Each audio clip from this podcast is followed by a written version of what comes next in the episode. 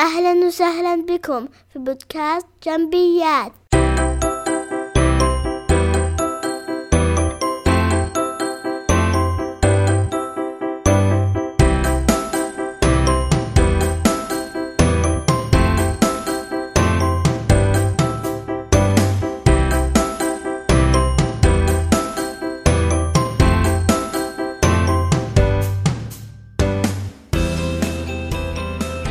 أهلا وسهلا بكم في بودكاست جنبيات الحلقة أربعة بتاريخ 4 ديسمبر 2015 بودكاست جنبيات هو بودكاست متخصص في تناول المواضيع الإدارية المختلفة.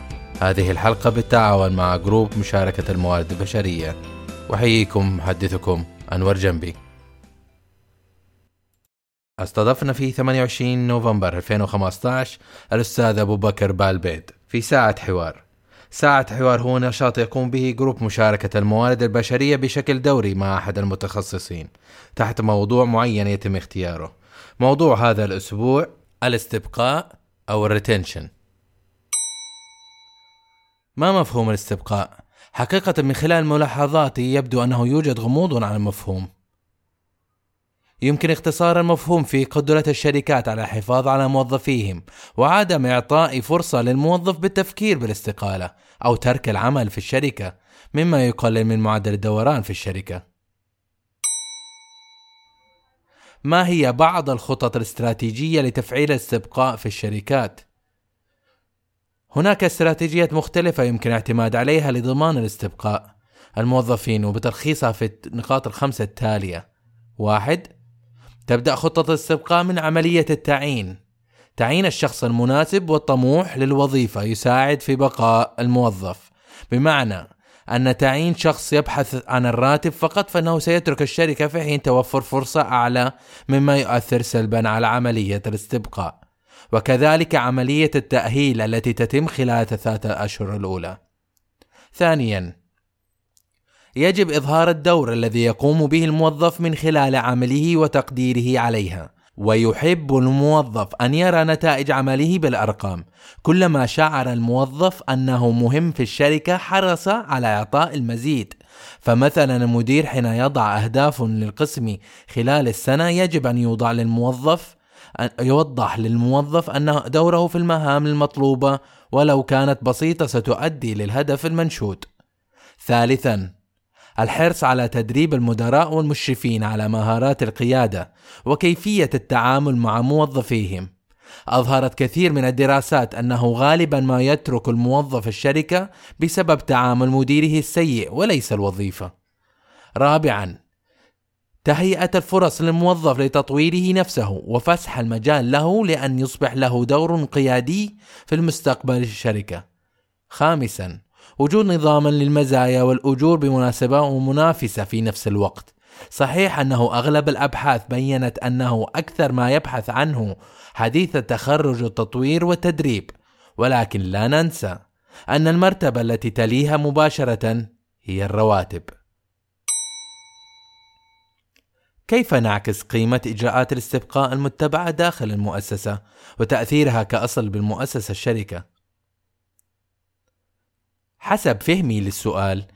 أعتقد أنه عملية الاستبقاء تبدأ من وجود سياسة تطبق على جميع الموظفين بدون استثناء وتحقيق مبدأ المساواة بينهم لأنه أي خطة للاستبقاء ستهدم في حال عدم المساواة. لو نجحنا بتطبيق عملية الاستبقاء كيف سيؤثر ذلك على المؤسسة؟ أنا تعلم أن التيرن أوفر مكلف للشركة. فتقليل معدل الدوران يساعد على تقليل المصاريف للشركة. طبعا بالنسبة للمنفعة التي ستعود على الشركات من الاستبقاء كثيرة منها تحقيق الأهداف المطلوبة وزيادة الإنتاجية وتقليل مصاريف إيجاد البديل المناسب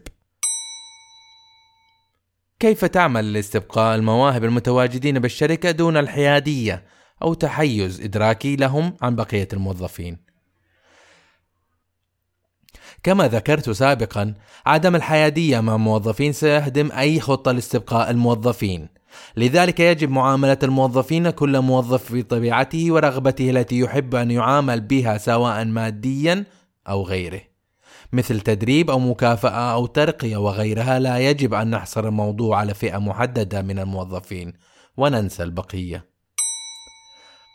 ما هي الأدوات المتبعة للاستبقاء؟ أعتقد أن الأدوات هي نفسها الخطط. كيف نعمل على تعزيز مفهوم الاستبقاء داخل الشركة وجعلها ضمن ثقافة المؤسسة أي organization culture. يتم تعزيزها بدءا من رئيس الشركة أو المنظمة من خلال اعتماد سياسة الباب المفتوح وتفعيل التواصل مع الموظفين والاستماع لهم لاقتراحاتهم وتنفيذ الجيد منها. الموظف إذا شعر أن صوته مسموع فإنه يرتاح كثيرا ويعمل جاهدا لمنفعة القسم أو الشركة التي يعمل بها. هل الطريقة الصحيحة للاستبقاء هي بمعرفة الأسباب ووضع الحلول؟ وهل يتم ذلك بعمل مقابلة عند استقالة الموظف للوقوف على أسباب ترك العمل أو بعمل استسقاء الرضا الوظيفي لجميع الموظفين وأيهما الأفضل نتيجة؟ للأسف كثير من الشركات تنتظر استقالة الموظف الجيد لإيجاد حل لعدوله عن طلبه وهذا خطأ طبعا. فيجب البدء بمعرفة الأسباب والعمل على حلها وتفاديها في الوقت المناسب.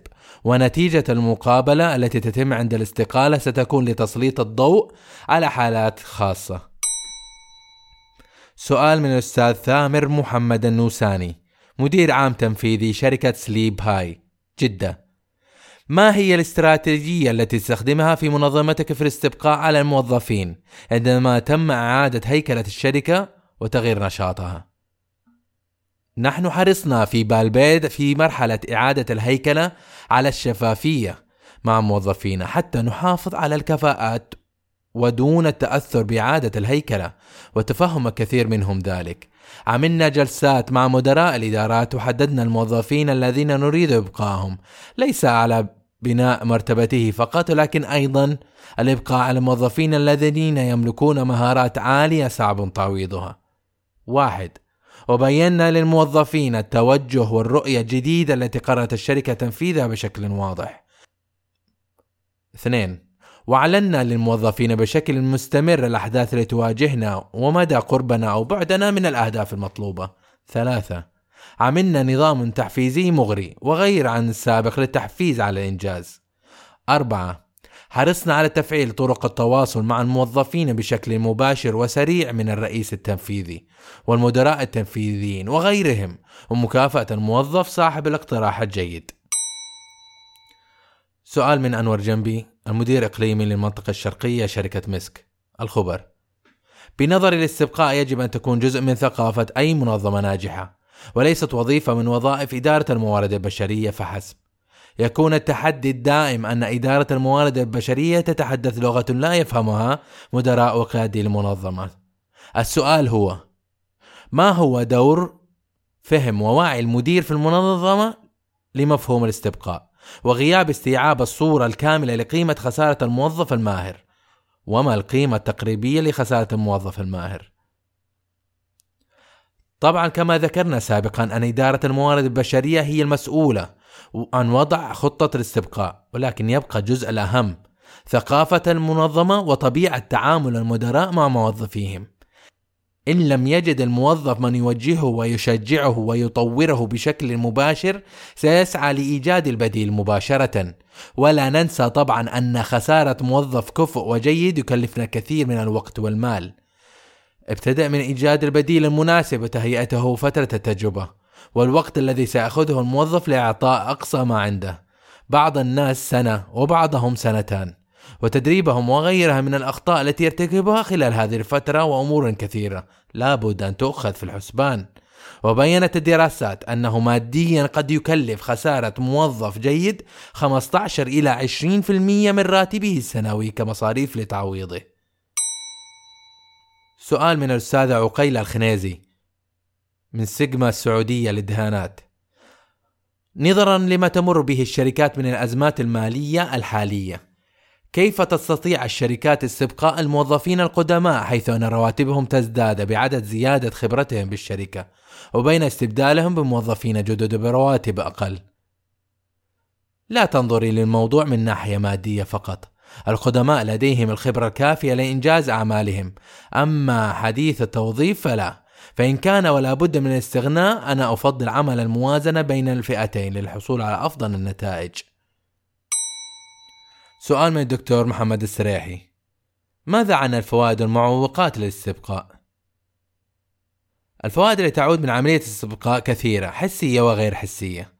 الحسية هي تقليل المصاريف من تعيين وتدريب موظفين جدد وزيارة ذوي الخبرة في الشركة. أما غير الحسية فزيارة فزيادة ولاء الموظف للشركة وتحسين سمعة الشركة بين الشركات وزيادة حرص الموظف على السعي لعمل اللازم لإنجاح الشركة. أما عن المعوقات كثيرة أهمها عدم اقتناع إدارة الشركة بعملية الاستبقاء وعدم صرف اللازم لإنجاحها وعدم وجود مدراء مؤهلين قادرين على الحفاظ على موظفيهم والتعامل معهم بما يناسب كل واحد منهم. سؤال من الأستاذ بسام الحربي منسق موارد بشرية شركة إلاف لتشغيل الفنادق المدينة المنورة. هل مقابلة إنهاء العمل ضرورية للمحافظة على الموظفين؟ وماذا ممكن أن تستفيد الشركة من ذلك؟ كيف للشركة أن تعلم أن هناك رضا وظيفي لدى أفراد الشركة رغم التنافس القوي والمغريات الموجودة في سوق العمل لأصحاب الخبرات والكفاءة؟ وكيف يمكنها تفادي تسرب أصحاب الخبرة والكفاءة لديها؟ مقابلة إنهاء الخدم إنهاء العمل من الأدوات المهمة لمعرفة أسباب تسرب الموظفين. وكثير من الموظفين يخجل من كتابة السبب الحقيقي. لذا يجب المقابلة لمعرفة العمل على حلها بشكل سليم قبل أن تزداد المشكلة. مثال عدم احترام مدير الموظف أو التلفظ وغيرها. قياس رضا الموظفين عادة ما تكون من عن طريق نشر استبيان بين الموظفين بين فترة وفترة. ومنها يمكن المفترض عمله لزيادة النسبة من فترة لفترة. سؤال من الأستاذة هناء الشريف أخصائية موارد بشرية. ما هي الأمور المعنوية التي يفعلها المدير أو المسؤول التي تؤثر على الموظف وبقائه مثل بعض الموظفين يبقى في الوظيفة لأن مكان العمل قريب من المنزل أو مديره جيد فيتنازل مثلا عن ضعف الراتب.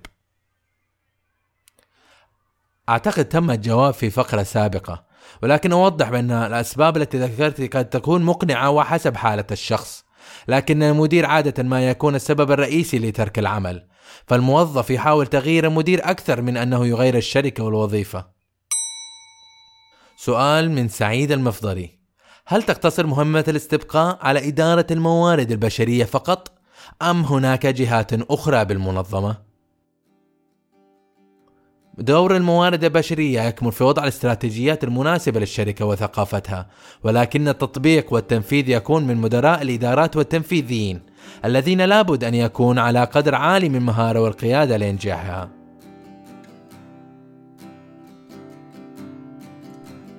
وبهذا وصلنا إلى نهاية لقاء ساعة حوار مع ضيفنا أبو بكر محمد بالبيت وكذلك نهاية حلقة بودكاست جنبيات نأمل أن نجحنا في إيصال المعلومة. ولمعلومات أخرى زورونا على موقع جامبي دوت إم إي لتجدوا نص هذا اللقاء والعديد من الدروس والشروحات. إلى اللقاء في بودكاست آخر.